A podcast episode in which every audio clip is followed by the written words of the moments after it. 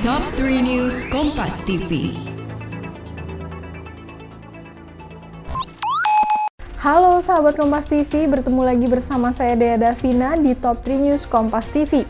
Saatnya kita update 3 berita terpopuler yang terjadi di hari Senin 18 Oktober 2021. Bersama saya Dea Davina di Top 3 News Kompas TV. Berita pertama sahabat Kompas TV kita awali dengan kemenangan tim bulu tangkis Indonesia di laga Piala Thomas. Namun sayang kemenangan tim Indonesia ini tidak diiringi dengan pengibaran bendera merah putih. Saat lagu Indonesia Raya berkumandang, Indonesia tidak bisa mengibarkan bendera merah putih di Ceres Arena Denmark. Hal ini adalah buntut dari adanya sanksi oleh Badan Anti Doping Dunia. Menpora meminta maaf bila tidak berkibarnya bendera merah putih mengurangi momentum raihan juara tim bulu tangkis Indonesia. Atas sanksi itu, pemerintah telah membentuk dua tim khusus, Tugasnya berkoordinasi agar sanksi segera dicabut dan investigasi internal terhadap Lembaga Anti-Doping Indonesia atau LADI. Dengarkan percakapan Wisnu Nugroho, jurnalis dan pemimpin redaksi Kompas.com dengan tokoh-tokoh yang menggulati hidup dengan gigih, serta kisah tentang pengalaman berkesadaran yang menggugah hati.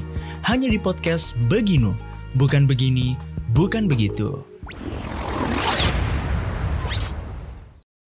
Polres Purwakarta masih terus menyelidiki kecelakaan maut yang terjadi di tol Cipularang kilometer 91 yang turut menewaskan bos Indomaret. Polisi menyebutkan pihaknya saat ini masih mencari sopir truk kontainer yang diketahui kabur. Polisi pun telah menemui keluarga sopir truk kontainer. Jika dalam waktu 1 kali 24 jam supir kontainer belum juga ditemukan, maka akan dikeluarkan surat penangkapan.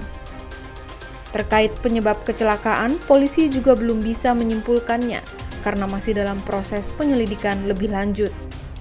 Berita yang terakhir sahabat Kompas TV, hasil survei Litbang Kompas menunjukkan Prabowo Subianto dan Ganjar Pranowo memiliki persentase elektabilitas yang sama dalam survei calon presiden untuk pemilu 2024.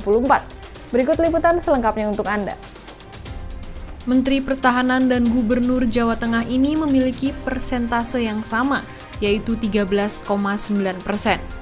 Dengan hasil ini, Prabowo dan Ganjar sama-sama menduduki posisi pertama dan kedua dalam survei capres untuk pemilu 2024.